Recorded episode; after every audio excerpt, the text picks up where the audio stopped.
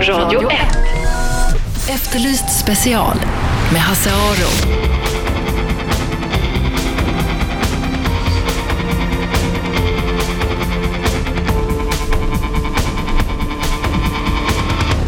Välkomna hit till Efterlyst special idag, eh, torsdag är det. Eh, vi ska börja med ett eh, ganska märkligt ärende som har hänt. En pappa som har dömts för att ha skakat, skakat sin nyfödda dotter till döds har nu släppts ur fängelse. Eh, den läkare som domstolen då trodde på Eh, eh, ifrågasätts nu. Eh, det har kommit nya uppgifter som visar att eh, de symptomen som den här lilla bebisen hade kan man få genom sjukdom också. Percy Bratt är advokat för den här mannen. Percy, kan du berätta vad som ligger bakom det här?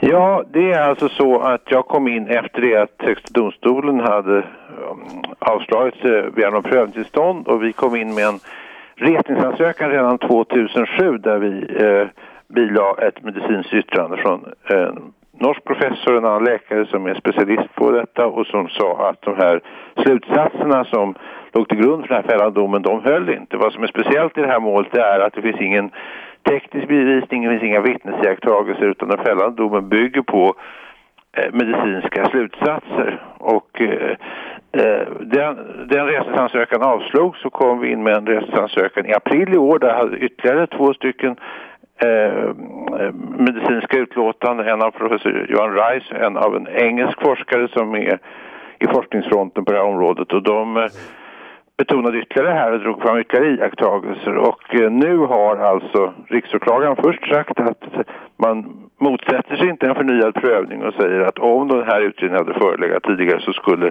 sannolikt utgången blivit en annan och Högsta domstolen har beslutat att min eh, klient omedelbart ska försättas på fri fot, alltså att den straffverkställighet som pågick eh, ska upphöra. Så att han är nu inte i fängelse och nu avvaktar vi ett beslut i resningsfrågan.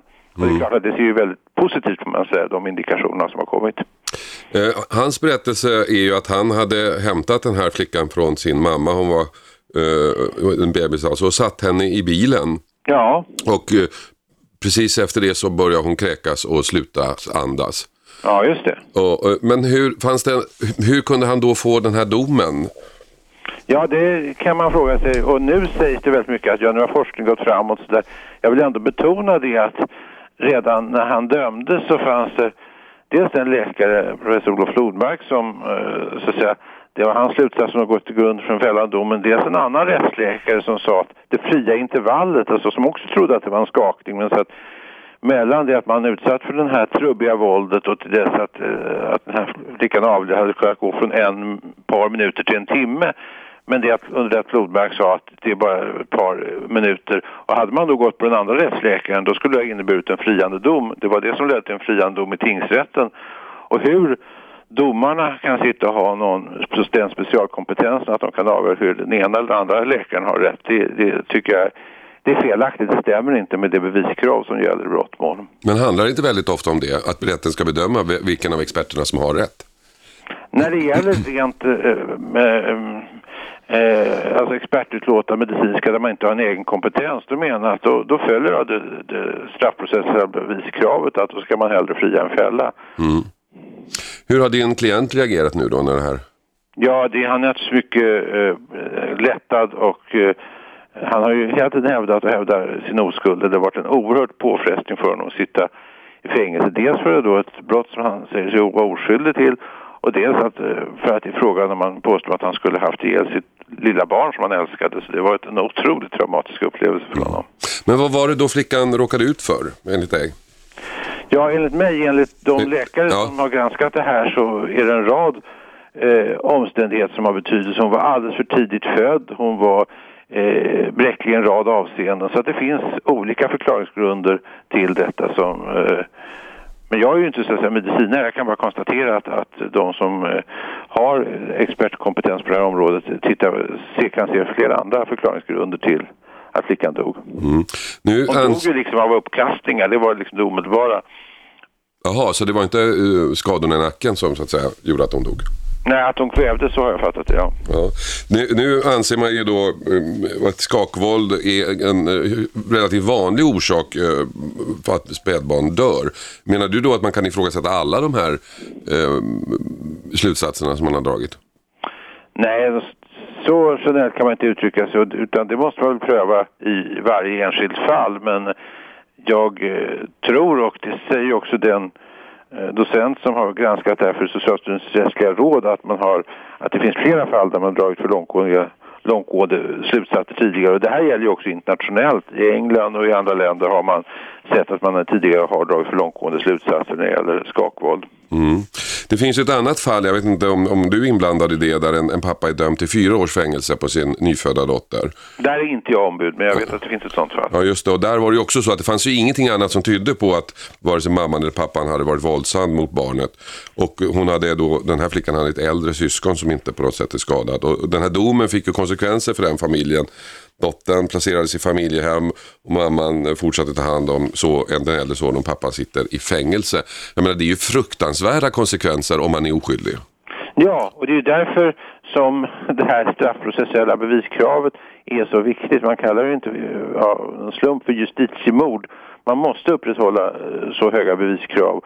Och det är så att när det bygger enbart på, på medicinska slutsats så måste man vara väldigt försiktig och man eh, måste inhämta second opinions och så vidare. Och man måste ha en vetskap om att, att forskningen går framåt och att, att eh, de slutsatser man drar nu kanske inte alls är så säkra man ser på ett helt annat sätt. Mm. Ni, ni, lyssnar alltså på Efterlyst special. Vi pratar om en, en rättsfall eh, som var aktuellt eh, för några dagar sedan. En pappa som har dömts för att skakat sin nyfödda dotter till döds har nu släppts ur fängelset. Sen det visade sig att de skador som flickan hade kunde ha uppkommit på ett annat sätt genom sjukdom. Eh, Percy, den här flickan då, eller den här, den här mannen som, eh, du är, eh, som är din klient klient. När han fick domen så, så försvann han ur Sverige. Ja. Första domen. Var, var, varför det? Vet du det? Nej, det är någonting som det gäller lite relationen mellan advokat och klient. Mm. Det kan inte jag kommentera. Nej, men de, du fick ju fram då eh, andra experter som hade en annan synpunkt. Och det har ju framställts i tidningarna som att det här är ny forskning. Men så ny var den alltså inte? Nej, den var ju... Eh, ja, 2007 hade vi ju experter som var, och det fanns också experter eh, till prövningstillståndsansökan. Det har skett en, en, en, en, utveckling, så har jag förstått det, men, men eh, det här är ändå insikter som har funnits under lång tid. Så att säga. Mm. Men... Och som jag säger igen så, så fanns det ju, menar jag, brister redan i, i um, den första domen. Så att säga. Det fanns två stycken expertutlåtanden som pekade i olika riktningar och man gick på den för den tilltalade minst fördelaktiga, och, vilket jag tycker då är principiellt helt fel. Ja, du menar att man ska då, i det läget ska man gå upp, om, då är det inte ställt utom all tvivel och då ska han gå fri? Just det. Men han är inte rent juridiskt frikänd ännu? Nej. Vad, vad återstår nu? Ja, nu återstår att Högsta domstolen ska fatta beslut i resningsfrågan och antingen kan Högsta domstolen för att eh, själv direkt gå in och pröva frågan eller, vilket är huvudregeln, återförvisa till den domstol som senast dömde och det är hovrätten. Och då, kan, då ska också åklagaren ta ställning till om, om uh, utredningen ska läggas ner eller om den ska drivas vidare. Så var det ju det här Bergvall, kvickmålet. Mm, precis, där, där blev det ingen ny rättegång. Nej. Tror du att det blir det här? Ja, advokater är alltid försiktiga men jag måste säga att eh, när riksåklagaren säger att hade den här utredningen förelegat tidigare så hade det sannolikt blivit en annan utgång och att man inte motsäger motsätter sig en förnyad prövning och Högsta domstolen beslutar att han inte ska fortsätta avtjäna fängelsestraff. Då, och man ser också att Socialstyrelsens rättsliga råds expert går igenom det här och ger i princip mina experter, om jag uttrycker mig så, rätt. Då har jag svårt att se förutsättningarna för en förnyad, för att man ska ha en ansvarsprövning igen. Mm. Eh, tror du att det här, om, om han nu går fri om, om åtalet läggs ner, tror du att det kommer att få någon, någon slags prejudicerande effekt? Att andra liknande mål per automatik kommer att nu eh, gås igenom och, titta, och överklagas? Prejudicerande effekt, det tror jag är fel. Men jag tror att man har fått sökljuset på hur, att man måste vara väldigt försiktig i de här målen och, och att det om det finns andra som har eh, blivit fällda, det finns ju uppenbarligen när det gäller eh, slutsatser som bygger på det här med shaken baby syndrome, ja då är det klart att, att eh, eh det finns anledning att granska dem också, men väldigt, väldigt noggrant.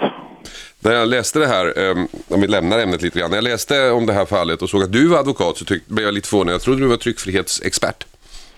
Ja, jag tar brottmål ibland och det här är, jag är också engagerad i mänskliga rättigheter och eh, oskuldpresumtionen och att eh, inte bli fälld om det inte finns en tillräcklig bevisning. Det är en viktig mänsklig rättighet. Så jag Mm. tycker att det här var ett viktigt fall. Ja, anledningen till att jag kände till det är att du företrädde ju mig en gång i tiden. Ja, just det. Två gånger hamnade vi i Högsta domstolen. Det är rekord för mig. Jag vet inte om det är rekord för dig. Nej, jag har nog hamnat där ett par gånger, några Ja. till. Det gick, ju, det, gick, det gick ju ganska bra där. Du får jag fråga en annan sista fråga, för vi ska ha en debatt här efter vi har pratat med dig om nämndemän.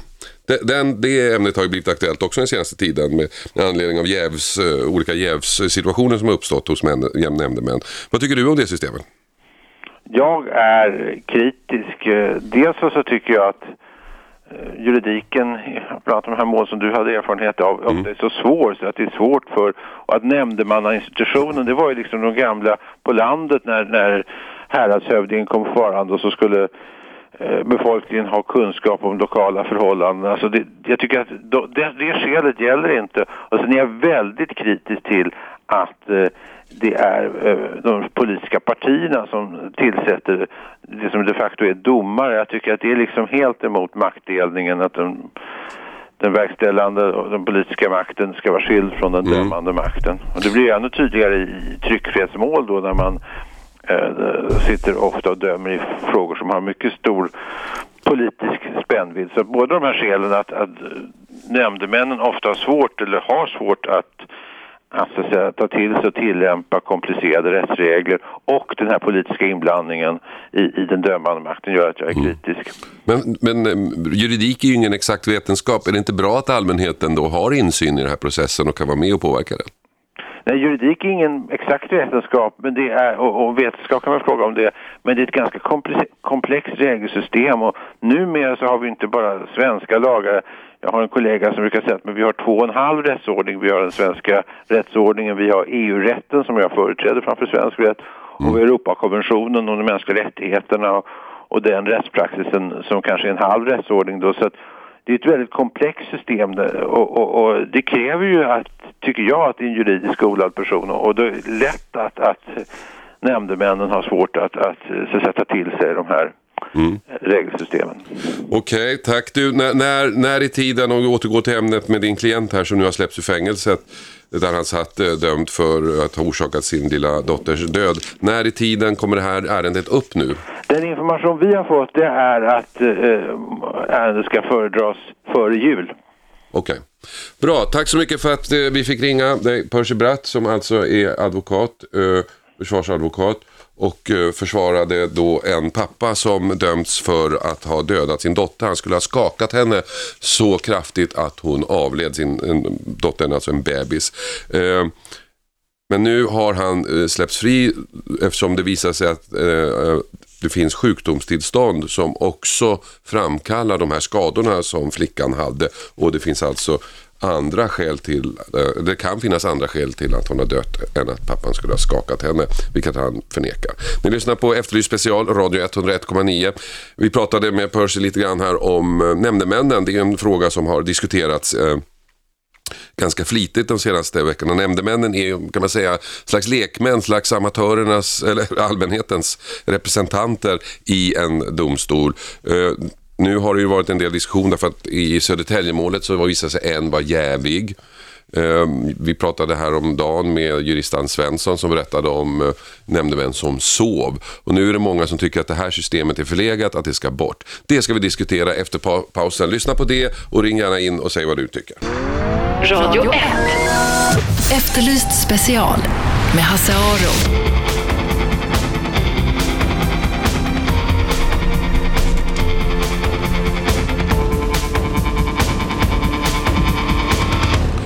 Välkomna tillbaka till Efterlyst special här på Radio 101,9. I svenska domstolar så sitter det förutom en juridiskt utbildad ordföranden också nämndemän eh, i det som vi skulle kunna kalla för eh, den svenska juryn. Eh, de här nämndemännen de är med och dömer, de bedömer den tilltalades skuld och de är också med och, och, och Eh, bestämmer vilket straff den ska få. Grundtanken med det här är att allmänheten ska ha någon slags insyn i det juridiska arbetet. Samma tanke då som, som gäller för när, eh, att rättegångar ska vara öppna. Vem som helst ska kunna gå och titta på rättegångar därför att det här är ett oerhört viktigt eh, system att, att kontrollera att det går rätt till. Därför att eh, domstolarna har ju makt att förstöra människors liv, att sätta dem i fängelse, att, att liksom fullständigt krossa dem. Och då måste vi i, som, som är allmänheten kunna göra en bedömning, går det här rätt till? Är det rimliga straff som, som uh, utdöms? Och det gör vi dels genom att vi kan gå dit och titta, men också genom nämndemännen, det är tanken med dem. Men uh, nu har det här systemet ifrågasatts ganska kraftigt de senaste veckorna. Det är många som tycker att de här är amatörer, juridik är för svårt för amatörer. Uh, vi har det stora Södertäljemålet som får tas om därför att en av nämndemännen var jävig. Samma diskussion gällde i Mangsrättegången i eh, Skåne där en av nämndemännen eh, misstänktes för jäv. Vi hade en eh, diskussion här i början av veckan med Ann Svensson som jurist som berättade om nämndemän som sov under rättegångarna och det är en historia som vi som sysslar med den här sortens journalistik hör då och då.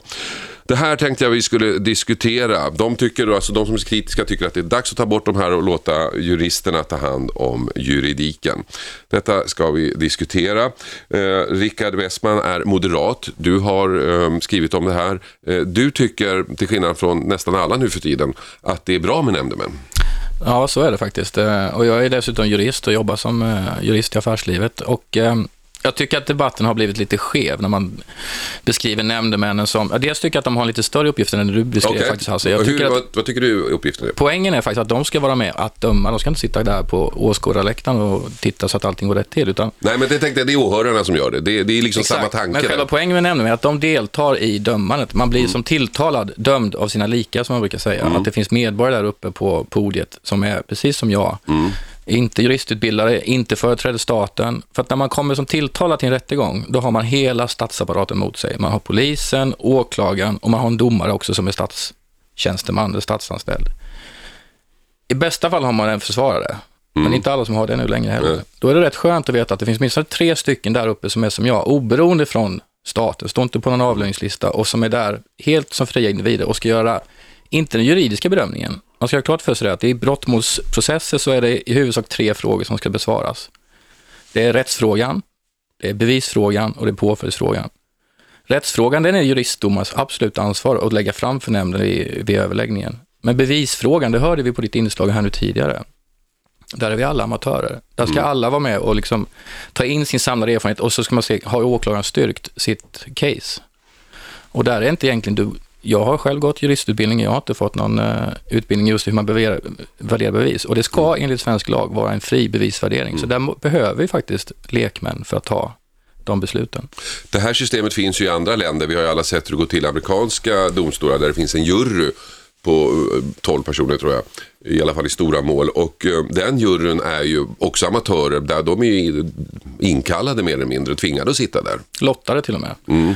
Och det ska man komma ihåg att skulle vi, som vissa jurist, ledande jurister nu vill göra, avskaffa nämndemän i Sverige, då skulle vi skilja ut oss från hela den hundraåriga tradition som finns i rättsväsendet eh, runt om i Europa, i Västeuropa. Vi har nämndemän i alla våra juridiska grannländer, vi har jurysystem i England, vi har dem i USA. När Spanien och Ryssland gick ifrån totalitära diktaturer så var det första man införde så var det just jurysystem för att mm. någonstans förstärka medborgarinflytandet och begränsa statsmaktens liksom, eh, maktutövning. Och det här är ju en, eh, det är både en maktdelande funktion tycker jag, och man får hålla isär begreppen. De som utses, utses inte av den verkställande makten, alltså regeringen eller riksdag, utan utses lokalt. Mm. Och det gör att det blir en maktbalans faktiskt mm. i den här eh, kanalen. Man kan ju, eh, Percy Bratt som vi pratade med tidigare var inne på det att de här är politiskt tillsatta. Men vi kan ju lämna det ett ögonblick därför att det är, det, det är den... Och där kan jag också ha åsikter, absolut. Ja, det är den kan... lösning vi har i Sverige. Men ja. just det här amatörer, det, argumentet mot nämndemän är att det finns ju ingen, ingen annanstans i samhället där amatörer kallas in för att liksom, eh, avgöra saker och ting. Men här ska det vara så. Vad säger du om den kritiken? Ja, alltså då jämför man ju med fel, eh, mm. alltså fel äpplen med päron. För att juridik är inte någon slags medicinsk vetenskap. Det var som du själv inne på, det är ingen exakt vetenskap på det viset. Och speciellt inte den, den eh, bevisvärdering som nämndemännen har att sköta. Den, är, den blir, faktiskt säkrare utförd om det är fler som får liksom pröva vad åklagaren har sagt, vad den tilltalade för framför sin sak. Så att eh, jag tycker eh, man ska inte jämföra med medicin, för det är ingen sån typ av vetenskap och inte ens medicin då visar det sig när man har så här baby shaking syndrom är Mm. exakt, det varierar över tid och sådär. Så att eh, det blir en skev debatt när man jämför med andra yrkeskategorier också. Och jag ska bara säga det också att Percy Bratt, som man kan ha stor respekt för, men många andra människorättsadvokater i Europa, när de här propåerna kommer från andra, i andra länder, att man ska ta bort lekmannainslaget, då kommer de ofta från politiskt håll. Och då ställer sig människorättsadvokaterna upp som en man och försvarar det här, för att det här är en rättssäkerhetsåtgärd. Man stärker rättssäkerheten genom att ha medborgare med som do- domare. Eh, tidigare hade vi, om jag nu, nu har förstått här rätt, i hovrätten inte nämndemän. Och nu I- har vi det. Menar du att rättssäkerheten har stärkts? Jag tycker det finns svagare skäl att man har nämndemän i hovrätten och det är bara på den grunden att där ska man egentligen bara pröva rättsfrågor. Alltså man för inte upp mål som, där man har olika uppfattningar om bevisfrågan. Så det gör att caset för nämndemän är lite svagare i hovrätten, absolut. Men kvar tycker jag det finns det här, eh, den här behovet som man har att faktiskt kolla så att lagstiftningen är begriplig, att man kan förankra den bland medborgarrepresentanterna på det viset. Därför att en begriplig lagstiftning, det är ju förutsättningen för att alla andra ska kunna följa den. Om det bara är jurister som kan förstå lagstiftningen, då lever vi i väldigt ett farligt samhälle, för då kan inte jag veta när jag begår ett brott eller inte. Då är vi inne i ett Kafka-samhälle. Ni lyssnar på Radio 1, eh, Efterlyst special. Vi diskuterar nämndemännen, eh, alltså de eh, amatörer eller allmänhetens representanter som är utsedda då av politiska partier och är med och dömer tilltalade i svenska rättegångar. De utgör vår version av jury kan man säga. Nämndemännen har ju ifrågasatts ganska mycket den senaste tiden efter ett antal skandaler kan man ju säga. Södertäljerättegången, den här jätterättegången, får nu tas om till hur mycket pengar som helst för att en av nämndemännen var jävig. Eh, I Malmö diskuterar man samma sak när det gäller Mangsrättegången. Eh, men där blev det inte så och vi har tidigare rapporterat om nämndemän som sitter och sover. Och det här har gjort då att hela systemet har ifrågasatt. Ska vi verkligen ha amatörer? Man har sagt eh, eh vi låter ju inte amatörer utföra hjärnoperationer har varit ett argument. Vi ska fortsätta diskutera det här. Eh, Som sagt, eh, Rickard Westman är eh, den jag har hört hittills som är för systemet, tycker att det är bra. Men det är de som inte tycker det. Vi ska höra journalisten Oisin Cantwell efter pausen och juristen Anne Svensson som har sitt eget förslag på hur vi ska kunna utveckla det här. Så jag, fortsätt, jag föreslår att ni fortsätter lyssna. Radio 1. Efterlyst special med Hasse Aro.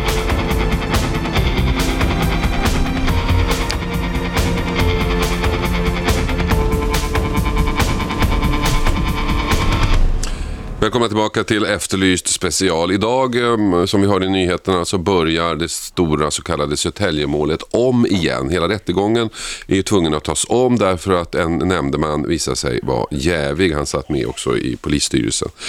Eh, den här ehm, skandalen, får man väl ändå säga att det är, eh, har gjort att hela systemet med nämndemän har ifrågasatts. Många har sagt att det är dags att skrota systemet, dags att kasta ut amatörerna ur, ur rättsprocessen. Nämndemännen är ju de som tillsammans med ordföranden eh, ska eh, avgöra huruvida en person är skyldig eller inte och vilket straff den personen i sådana fall ska ha. Oisin Cantwell på Aftonbladet, du är en av dem som utifrån Södertälje-målet tycker att systemet måste ändras.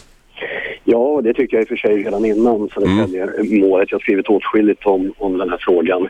Eh, jag anser inte att uh, nämndemannasystemet ska skrotas. Jag satt och lyssnade här och hörde en hel del kloka synpunkter från juristen. Eh, och det är precis som har påpekats, eh, det är en del av hela den västerländska rättstraditionen att allmänheten ska ha inflytande. Och det är oerhört viktigt, det, det, det, det får vi inte tappa bort. Men jag anser att nämndemannasystemet måste reformeras. För det första tycker jag att det är, det är väldigt olyckligt att nämndemännen är i majoritet i tingsrätterna. Ehm, jag läste ett antal hårresande domar där juristdomaren har ehm, har röstats ner av, av nämndemän som har egendomliga uppfattningar om eh, bevisvärdering. Eh, det är domar som sen i och för sig har korrigerats i hovrätten men, men det är illa nog. Sen så, jag hörde att, att eh, ni nämnde perifert det här med, med att de är politiskt tillsatta och ville lämna den diskussionen därhän. Men det, det, det, det tycker jag också är olyckligt att, att nämndemännen är politiskt tillsatta. Det är, maktdelningsprincipen är oerhört viktig. Alltså att man skiljer på den lagstiftande makten, det vill säga politikernas inflytande och den dömande makten. Mm. Men du, eh, om man nu ska ha, du säger att de inte ska vara majoritet, eh, då förlorar de ju helt sin betydelse. Då sitter de ju där som typ, eh, du vet, fackföreningsrepresentanter i, i SKFs styrelse.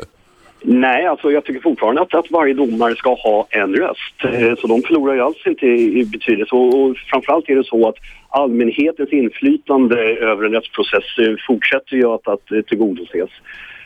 menar, om, om det inte är något problem i hovrätterna att, att nämndemännen är minoritet så kan det rimligen inte vara det heller i tingsrätten. Mm. Eh, Rickard eh, Westman som är moderat som har skrivit en debattartikel om att han tycker att systemet är bra som det är och eh, eh bör fortsätta. Vad säger du om Oisins argument här? Ja, Förlåt, du ska ha en mikrofon också. Varsågod. Tack. Eh, jag kan hålla med faktiskt om att det finns ett behov av att reformera nämndemannainstitutet på flera punkter, kanske också när det gäller hur man utser dem. Mm. Att man kan bredda rekryteringen. Men man ska hålla isär begreppen också här och det är att den lagstiftande församlingen eller den verkställande makten i Sverige utser inga nämndemän utan det är den lokala församlingen som gör det, alltså kommunfullmäktige. Nu har vi ett system där vi nominerar från de politiska partierna och det gör ju att någonstans politiken går ur systemet också för att det avspeglar då eh, inte majoritetsförhållanden i varje kommun utan faktiskt hela det politiska spektrumet. Vi får ju in Sverigedemokraterna i systemet mm. också eftersom de är representerade lokalt. Så det gör ju att det blir ju inte den här äh, maktkoncentrationen som man ibland hör i debatten, att eh, regeringen eller riksdagen ska kontrollera domstolarna genom nämndemännen. Det är inte så det går till. Men jag, kan ju jag tycker det är bra att Beatrice Ask nu har tillsatt en utredning för att titta på om det går att hitta system där man kan hitta nämndemän från andra håll. Men jag tycker också att vi i det politiska livet måste skärpa oss lite och dels se till så att det blir bra nämndemän men också att vi inte bara tittar på våra egna medlemmar utan vi faktiskt tittar, går ut och tittar på de som har högt anseende, högt förtroende i samhället. För då får mm. vi in just den kunskapen från samhällslivet som vi behöver i, domstolsprocessen. Eh, den här maktfördelningen som vi, pratar om, det är ju den här klassiska att, det, att, det, att det, man Exakt. har en lagstiftande församling, det vill säga regering och riksdag som stiftar lagar Aha. och sen har du en dömande församling som så att säga står fri från den här och sen ska tolka och döma utifrån det här och, och de lagstiftarna får inte blanda sig i själva tillämpningen och sen så har ju vi journalister då lite kaxigt uppfunnit en tredje statsmakt, nämligen oss själva. Oisin, finns du menar att man kan, man kan alltså ha eh, bara en nämndeman eller de ska vara i minoritet. Finns det andra sätt man kan göra det här på, som i Amerika med, med jurysystem? Ja, alltså i Sverige har vi ju jurysystem i tryckfrihetsprocesser. Eh, alltså, jag, jag, jag, ser inte att, att vi ska behöva reformera eh, nämndemannainstitutet eller eh, skrota det och ersätta det av ett jurysystem. Det, det, det, det, tycker jag inte. Eh, men eh, jag vill att juristerna, jag tror att det är viktigt att juristerna har ett dominerande inflytande redan, redan i första instansen. Sen är, blir den här debatten ibland lite vulgariserad med, det pratas om att fördomar och så. Alltså jag, jag är inte säker på att en eh, 65-årig chefsläkare är sämre på att, att eh, eh, föra resonemang och analysera bevis än eh, en, en 29-årig ny, nyutexaminerad jurist. Tvärtom. Men du, du, du som är journalist och, och, som liksom jag har följt då, domstolar och, och rättegångar. Alltså, jurister kan ju också vara väldigt knepiga människor och domar kan bli väldigt konstiga. Men juridiskt korrekta och, men fattas i någon slags tunt teoretiskt luftrum någonstans där man för länge sedan förlorat verklighetsförankringen. Mm, Håller du inte med? Jo, då, det, det, är sant och det är därför jag anser att eh, allmänhetens inflytande måste på ett eller annat sätt bibehållas. Eh, eh, rättegångar och domstolsväsendet får inte bli någon slags intern eh, eh, juridisk lekstuga. Det, det, det, det eh, tror jag eh, skulle vara ett allvarligt hot mot rättssäkerheten i förlängningen. Mm. Eh, jurister är ju människor, även de är knasiga. Rickard? Det låter ju mycket bra det här, för nu låter du som en förespråkare för lekmannainslaget i alla fall, så det är, det är ja, skönt alltså, att höra. Ja, alltså det, jag, det, det har jag hela tiden... Ja, det är främst som vi, ja, det är jätteskönt att höra, för det är främst vissa jurister som jag tycker ibland argumenterar utifrån nästan skråtänkande, att det är bara de som kan göra de här bevisvärderingarna.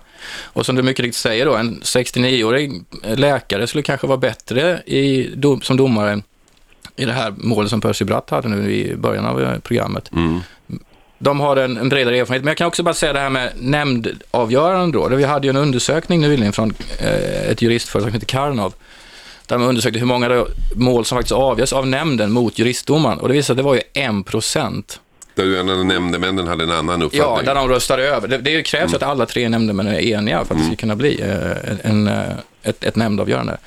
Och utav de, utav de som då av, av, överklagades, och det är ju inte alla antar jag, så var det 60 procent som ändrades i hovrätten, men det var 30 procent som faktiskt eh, stod fast. Och det är exakt samma förhållanden som gäller när åklagaren överklagar jämfört med den tilltalade. Okej. Och man försöker ju, ja, vissa hovrättspresidenter har ju försökt begränsa den tilltalades överklagansmöjlighet i sig, men det är inte så många som vill begränsa den tilltalades rätt att överklaga. Och man kan ju se nämndavgöranden som någon slags medborgaröverklagande egentligen. Va? Och tre- en tredjedel av dem står sig och 60 procent blir ändrade. Men jag tycker inte att rättssäkerhetsproblemet på grund av nämndavgöranden är så pass stort som det ibland beskrivs. Eh, Vi har med oss också Ann Svensson på telefon. Du var med i början av veckan här då vi diskuterade eh, nämndemän som sover. Du har ett eget förslag på hur man ska ändra systemet.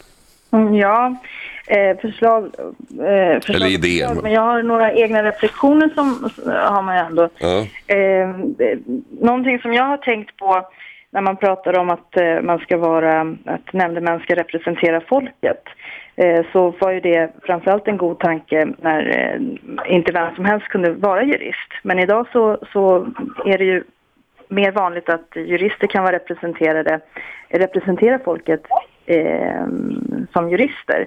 Eh, man kan komma och eh, utbilda sig som, till jurist även om man kommer från en icke-akademisk bakgrund till exempel. Eh, och sen så har jag också tänkt på detta med att man då ska bli dömd av sina likar. Eh, jag är inte säker på att eh, de personer som som eh, blir bedömda av en rätt känner att de känner igen sig i de här personerna som sitter där framme. Eh, det händer också ofta att jag förklarar för, för klienter hur rätten är sammansatt och att det inte bara är jurister. Och eh, många gånger ju- är ju klienterna förvånade. Jag vet inte hur, hur många icke-jurister som egentligen vet om att det är icke-jurister som sitter och dömer. Eh, eh, men eh, sen, sen min tanke som, som jag har reflekterat över det är att man kanske skulle då Eh, istället kunna öppna upp mer för att ta in personer som har kompetens. Eh, som, som om vi säger nu att man ska pröva ett mål som, som rör eh, till exempel omhändertagande av barn och där det är fråga om mm, bristande anknytning mellan mamma och barn. Ja, då kanske det ska finnas en person med i rätten som har en, en kompetens att bedöma anknytningsförhållanden mellan mammor och barn. Det var ju lite det, Eh. det, var lite det Rickard var inne på. Det här att det, en läkare kanske ska sitta med när, när, när det är medicinskt Ja, komplicerat. men det får ju inte bli så att vi har experträttegångar där liksom det blir helt obegripligt för någon som inte kan materian att förstå. Alltså, jag tycker det, ibland hör man också i debatten så att målen håller på att bli så komplicerade, ing- ingen utan en juristutbildning kan förstå det. Alltså det är ju ett skäl att titta över lagstiftning. Vi har haft eh, skattelagstiftning som varit helt obegriplig och Mm. när, den, när den lämnar liksom folks eh, fattningsförmåga, då är vi ju farligt ute. Vi Men vi måste tar kunna ett- ha regler som faktiskt begrips av alla. Och det är Ja, men, men om vi tar ett aktuellt exempel och det är den här tunnelbanedomen som kom. Där, där i domen man argumenterar väldigt mycket för att det ska vara ett hårt straff. Läser man domen så, så tror man att det verkligen ska bli ett hårt straff. Och så blir det inte det. Det blir ett och ett halvt år. När jag läste det här så trodde jag nästan de hade skrivit fel. Är är inte det ett exempel på när jurister liksom har tappat verklighetsförvanskningen? Nej, eh, det tycker jag faktiskt inte. Den där Ja. domen, jag skrev om den själv och den Ja. gladde mig lite att, att eh, domstolen klarade av att stå emot eh, det, den uppiskade stämning som rådde. Alltså, vi måste ju ändå skilja på moral och juridik. Eh, det är ju eh, avgörande. Eh, den Men alltså, han, han fick ju lägre straff än vad till och med eh, för, för, hans egen advokat hade yrkat på. Ja, absolut. Så, Det- så särskilt hårt blev det ju inte. Men vad jag menar är att det, det blev obegripligt när man läste för det, hela domen argumenterade för ett hårt straff och så blev det inget hårt straff. Ja, jag läste inte domen riktigt på det sättet som du tycks eh, Jag uppfattar den lite annorlunda. Men eh, nu när du säger det så kommer jag ihåg att, och det skrev jag ju också om, att jag fann det märkligt att, Ja, att eh, domstolen till och med eh, fattade eh, liksom en, en, ett, lindrigare straff än vad eh, försvarsadvokaten eh, Mm. åberopade eller pl- pläderade för. Och en möjlig tankegång är ju att de i sin iver att stå emot eh, eh, moralismen och allmänhetens krav på högt straff kanske gick för långt åt andra hållet. Mm, det kanske det gjorde. Uh, nu har ju den domen överklagats i alla fall. Uh, men eh, uh, Oisin, du, du tycker att det räcker med att uh, man skär ner att, att uh, nämndemännen, att de lekmännen blir i minoritet så är, så är vi hemma?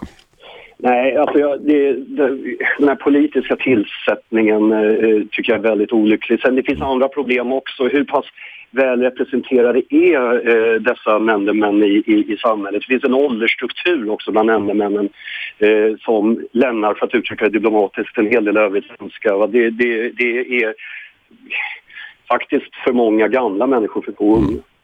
Men det undrar hur ska man komma till rätta med, eh, ut, eller hur ska man utse nämndemän då? För många kritiker kri- riktar, riktar kritik mot att det utses lokalt ifrån fullmäktige och då brukar man beskriva som att det är partierna som bestämmer och sådär. Men det är ingen som presenterar riktigt bra alternativ än så länge, som jag har sett i alla fall, som faktiskt tar tillvara alla de här eh, principerna i en rättsstat, nämligen att det ska vara lokalt förankrat och det ska finnas liksom ett medborgarinflytande. För att hur man än gör så blir det ju en politik av det. Alltså tar man in det från fältbiologer eller Amnesty så kommer det bli politik av dem också till slut. Så att frågan är hur man gör. Lotten är ju den demokrat, mest demokratiska då. Och det kanske, men då kanske man får in folk som inte heller är eh, omdömesgilla i alla lägen. Ann, du ville säga något? Ja, jag tänker, ja, en, en tanke som jag tänkt på det är när man har gått juristutbildningen så har det funnits väldigt eh, stort behov bland juriststudenter att få mer praktisk erfarenhet från domstolar. Och eh, som juriststudent så är man ju oftast också, eh, har man en, en starkare koppling till allmänheten. Om man är driven, man är intresserad, man är vaken.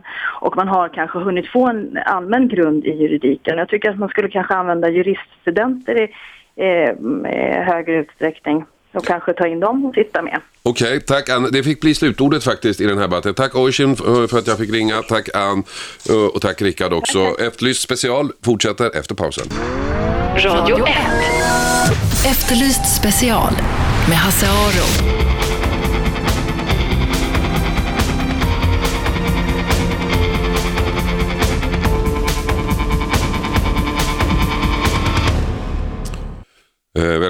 Tillbaka Efterlyst special. Vi pratade i början av programmet om ett väldigt intressant rättsfall som nu har blivit aktuellt i veckan. Och för er som inte lyssnade då så kan jag berätta att det är en pappa som, har dömt, som var dömd för att ha skakat sin nyfödda dotter till döds har nu släppts ur fängelset. Och den läkare som domstolen trodde på eh, när de dömde mannen ifrågasätts nu den här gången. Och eh, det var alltså en eh, Eh, en 31-årig man som är i, idag 31 år. Han dömdes till fem års fängelse för att ha orsakat sin dotters död när hon bara var sex veckor gammal. Enligt domen ska han ha skakat flickan så att hon fick allvarliga hjärnskador och dog. Men nu har då hans försvarsadvokat hittat andra läkare som vittnar om att de här symptomen som eh, flickan hade, den kan man få, de kan uppstå på andra sätt. Eh, genom sjukdom till exempel. Och det fanns ingenting annat som tydde på att eh, flickan blivit misshandlad än just de här symptomen. Eh, mannens försvarsadvokat är, heter Percy Bratt och han sa så här när jag pratade med honom tidigare idag.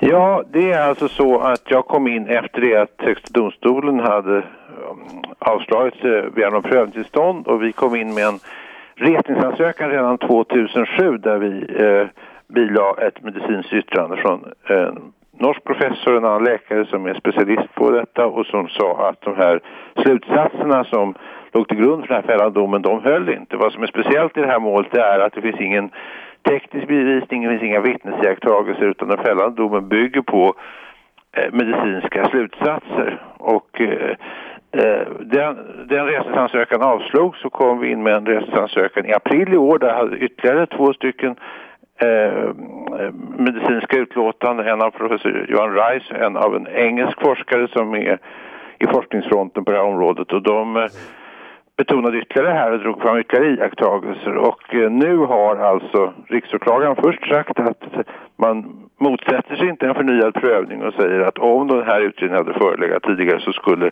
sannolikt utgången blivit en annan och Högsta domstolen har beslutat att min eh, klient omedelbart ska försättas på fri fot, alltså att den straffverkställighet som pågick eh, ska upphöra. Så att han är nu inte i fängelse och nu avvaktar vi ett beslut i resningsfrågan. Och det är klart att det ser ju väldigt positivt får man säga, de indikationerna som har kommit. Eh, hans berättelse är ju att han hade hämtat den här flickan från sin mamma. Hon var eh, en bebis alltså och satt henne i bilen. Ja, Och eh, precis efter det så började hon kräkas och sluta andas. ja just det. Och, och, men hur, fanns det, hur kunde han då få den här domen? Ja, det kan man fråga sig. Och nu sägs det väldigt mycket att ja, nu har forskningen gått framåt. Så där. Jag vill ändå betona det att redan när han dömdes så fanns det dels en läkare, professor Olof Flodmark, som eh, så att säga, det var hans slutsats som har gått till grund för den fällande domen. Dels en annan rättsläkare som sa att det fria intervallet, alltså som också trodde att det var en skakning, men så att mellan det att man utsatt för det här trubbiga våldet och till dess att, eh, att den här flickan avled hade kunnat gå från en par minuter till en timme. Men det att, under att Flodmark sa att det är bara ett par minuter. Och hade man då gått på den andra rättsläkaren då skulle det ha inneburit en friande dom. Det var det som ledde till en friande dom i tingsrätten. Och hur domarna kan sitta och ha någon den specialkompetensen att de kan avgöra hur den ena eller andra läkaren har rätt. Det, det tycker jag det är felaktigt. Det stämmer inte med det beviskrav som gäller i brottmål. Men handlar det inte väldigt ofta om det? Att rätten ska bedöma vilken av experterna som har rätt? När det gäller rent äh, äh, alltså expertutlåtande medicinska där man inte har en egen kompetens, då menar att då, då följer det, det straffprocessuella beviskravet att då ska man hellre fria än fälla. Mm. Hur har din klient reagerat nu då när det här?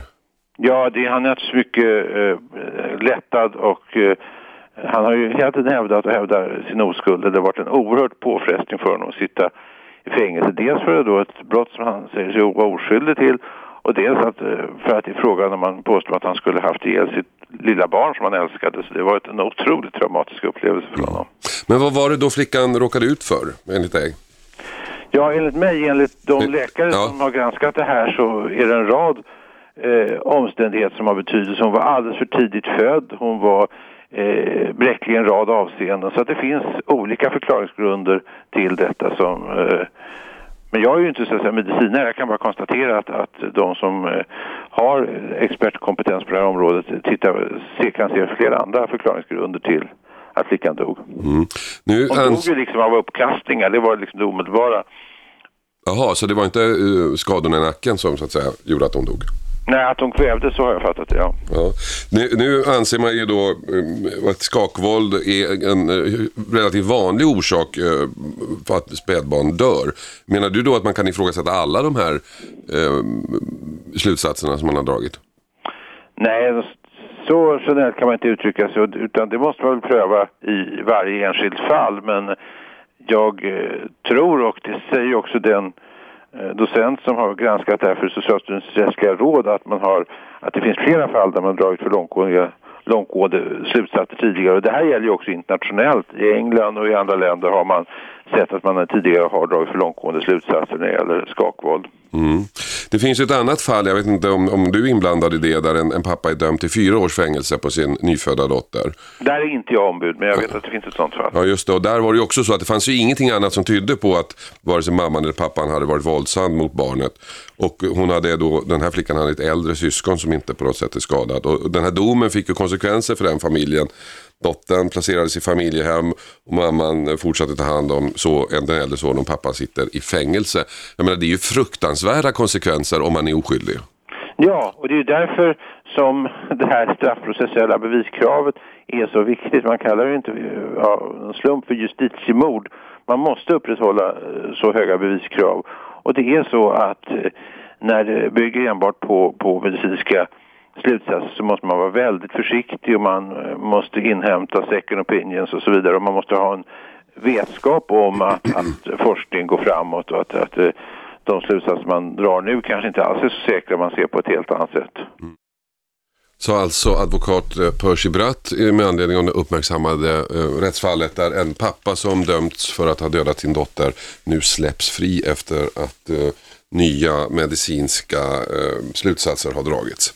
Cissi Wallin har kommit ja. in i studion. Vad ska du prata om? Idag är jag här i tid. Kritik, gissa? Eller? Det ja, jag ser vi ska prata om, du ser det. Ja. Vi ska prata om att få, ta och ge kritik. Ja. Vad, hur ska man göra? Och eh, jag får mycket kritik för att inte kunna ta kritik. Jag ska ja. förklara hur jag tänker. Det ska bli intressant. Ja, men det är väl viktigt att kunna ta kritik. Ja, av rätt personer skulle jag säga. Fast det är svårt. Ja, är det det? Ja, men, då, ja, men ska du lyssna på alla som tycker och tänker om dig skulle du tappa bort dig själv, är det ja, inte så? Men om jag bara lyssnar på de som tycker som jag så... Ja, men det kan man inte göra. Men man får ha... Jag kan i alla fall säga att jag tyckte det var väldigt bra Stalkers igår. Tack ska du ha. Tack, tack. Jättebra program. Ja, ja, det var spännande att göra också kan jag säga. Det förstår jag. Då så, men du, ehm, jag ska lyssna på det i bilen. Ja, gör det. Ja. Vi hörs och ses imorgon. Det gör vi. Ha det bra. 101,9 Radio 1 Sveriges nya pratradio